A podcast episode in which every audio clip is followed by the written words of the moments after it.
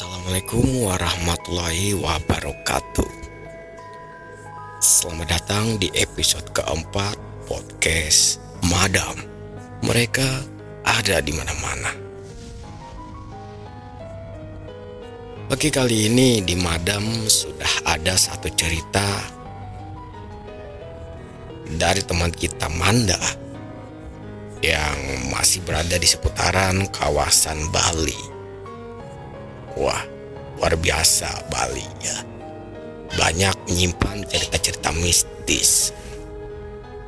Nah, jadi di episode kali ini Manda bercerita tentang sosok yang menghuni sebuah kamar di rumahnya.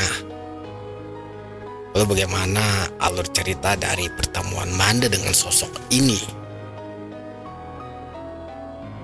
Tapi sebelumnya seperti biasa, Terima kasih buat para pendengar yang sudah mendengarkan dan mengikuti episode-episode sebelumnya di podcast Madam ini. Dan buat para pendengar atau pecinta podcast horor di mana pun kalian berada, kalian bisa juga untuk share cerita kalian untuk dibagikan dan didengarkan di podcast Madam ini. Silahkan DM Instagram at indak8 08. Oke, langsung saja kita dengar cerita pengalaman dari teman kita yang satu ini. Pasang headset kalian. Dan berikut ceritanya.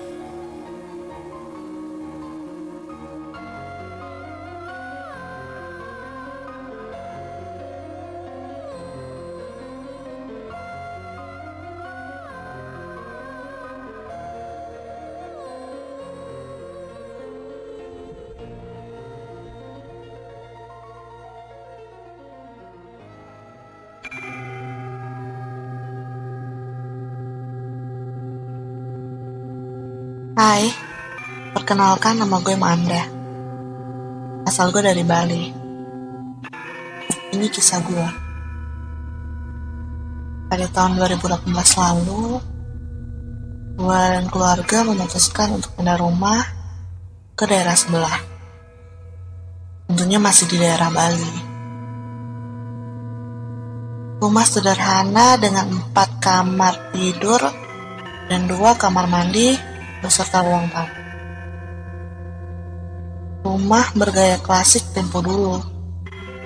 Rumah lama memang. Di sinilah kisahku dimulai. Pertemuan dengan dia yang kuberi nama Sumerti. Di sini gue akan bercerita sedikit. Gue itu termasuk orang yang sangat sensitif dari kecil dengan hal-hal yang bisa dibilang semacam ini. Jadi, gue rasa kalian bakalan paham alur ceritanya. Gue mulai. Dari saat pertama gue datang ke rumah ini, jujur serem. Karena pagarnya tuh masih lusuh, berkarat. Kayak rumah yang udah lama banget ditinggalin. Tapi setelah gue buka pagarnya, halamannya tuh rapi. Nggak ada rumput liar, juga bersih. Waktu itu gue ke sana sendiri, karena pengen lihat dan penasaran. Halamannya cukup luas, dan ada taman belakangnya pula. Jadi rencananya hari itu gue datang gue pengen memilih kamar yang mana yang bakal gue tempatin nanti. Sekalian gue ngecek keadaan untuk prepare beli apa-apa aja yang harus gue beli untuk bersih-bersih rumah itu. Rumah baru gitu kan. Rumah itu bentuknya tuh huruf L, seperti huruf L. Gitu. Dan di situ juga ada salah satu kamar yang memblok ruangan lain tapi dia punya ruang tamu kecil sendiri. Untuk pertama kalinya gue memilih kamar itu. Karena jujur aja gue orangnya suka ngundang teman ke rumah. jadi kalau teman datang ke rumah nginep gitu mungkin bisa tidur di ruang tamu itu nah gue lihat lihat lihat gue buka kamarnya wah ternyata dalam kamar itu tuh ada kasur lengkap beserta bantal dan juga meja rias. Dan semua itu terbuat dari kayu jati. Seneng dong. Perasaan gue seneng pertama kali gue lihat itu. Wah jackpot nih. Gue pilih kamar yang udah langsung ada peralatan tempur di dalamnya gitu kan. Awalnya seneng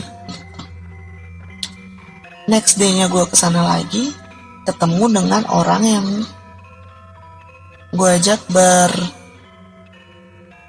berkomunikasi tentang rumah ini. Modelnya tuan rumah yang punya rumah lah gitu kan. Ajak ngobrol dia ngomong gini mbak itu coba kamarnya yang ada ruang tamu kecilnya itu dikosongin dulu untuk beberapa hari ya kadang-kadang anak saya datang ke sana rumahnya ngomong begitu. Untuk ngecek kalau dia misalkan pengen tidur dia tidurnya di sana. Gue positif thinking aja oh anak anak anak anak mboknya yang mana? Aku manggilnya mbok karena dia orangnya udah cukup berumur kan wanita tua gitu. Kata sih anaknya jadi dokter tugas di luar Bali gitu. Nah, terus habis itu besoknya gue datang lagi untuk beres-beres rumah dan gue bilang sama orang tua gue tuh kalau kamar itu didiemin dulu selang beberapa hari gitu karena anaknya mau datang kayak gitu kan dia belum bilang nih kalau ada orang yang bakalan stay di sana gitu. Nah, hari pertama, hari kedua, hari ketiga itu biasa aja kita bersih-bersih rumah, kita mengadakan persembahyangan bersama, membersihkan rumah. Terus kalau orang Bali itu ada tuh namanya mecaru kan, itu untuk membersihkan semua rumah dari uh, ya anggap saya gitu kan ya. Rumah itu dibersihkan dari roh-roh halus atau apalah. Nah, Keanehan-keanehan mulai terjadi ketika sebulan kita stay di sana. Kemudian gue sih masih cuek aja gitu kan karena gue udah apa sih males gitu ber berbaur dengan hal-hal seperti itu. Pengen tenang gue gue percaya gue udah melakukan persembahyangan ritual-ritual orang Bali yang pastinya gue nyaman tidur di sini gue nyaman tinggal di sini. Nah kemudian datanglah satu malam itu tepat malam Jumat Kliwon. Pertama kali gue ketemu dengan sosok ini adalah hari itu. Sore gerimis itu di jam 7 jam setengah 7 malam tuh tipis-tipis mencium aroma bau rumput basah yang kecium makin kenceng Samar-samar gue merasa kayak ada yang datang dari gerbang masuk ke dalam. Bukan gerbang depan ya, maksudnya dari tembok samping taman belakang. Datang. Gue merasa kayak ada orang yang datang aja gitu. Nah, pada hari itu dia masih belum memperlihatkan sosoknya. Baru feel aja.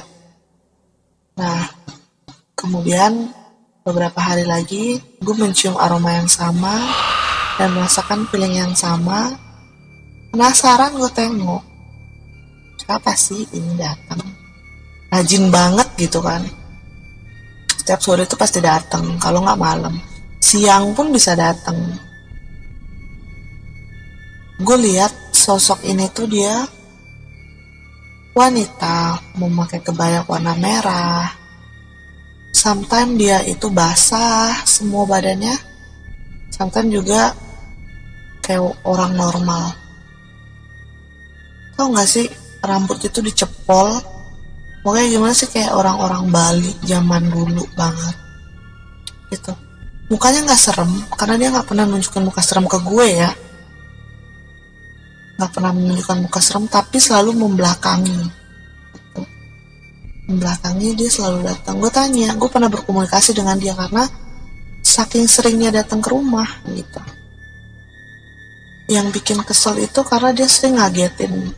Karena kan gue tuh orang itu suka banget tidur ya. Jadi kalau gue tidur tuh tapi kalau tidur tuh berasa ada yang datang tuh bangun gue bangun nah tidur dia tiba-tiba ada jelodogan aja di, di bawah.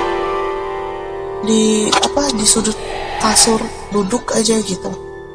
Kayak kayak gitulah pokoknya datang datang pergi datang pergi. Gue tanya dan dia bilang e, rumah dia tuh di situ. Dia nggak mau pergi dan tempat dia itu di kamar itu yang gue bilang dari kamar awal. Itu sampai sekarang gue sudah menikah pun kamar itu masih tetap kosong. Tidak ada yang berani menempati. Gitu. Gue bingungnya gini. Apakah mbok yang punya tanah rumah itu bilang anaknya itu adalah dia atau gimana sebenarnya banyak cerita yang gue punya tentang seperti ini. Cuman kalau gue bahas di sini bakalan banyak banget. Jadi gue juga punya kakak cowok yang dia paling sering digangguin sama si seperti ini. Sampai tidur pun dia nggak bisa. Dan teman-teman gue yang sering nginep di rumah gue itu selalu aja pasti diganggu. Nggak pernah nggak. Selalu. Cewek lah cowok lah selalu. Dari mulai tembok yang diketok ketok kemudian cakar kayak ada yang cakar-cakar tembok. Kemudian ada yang kayak banyak banget ya gangguannya. Kalau misalkan dibahas satu-satu susah. Menghabiskan banyak waktu pastinya. Jadi nanti kita bakalan lanjut ke part 2 ini baru part satunya. Nanti kita lanjut ke part 2 sekian cerita saya. Sampai ketemu lagi di part 2 nya terima kasih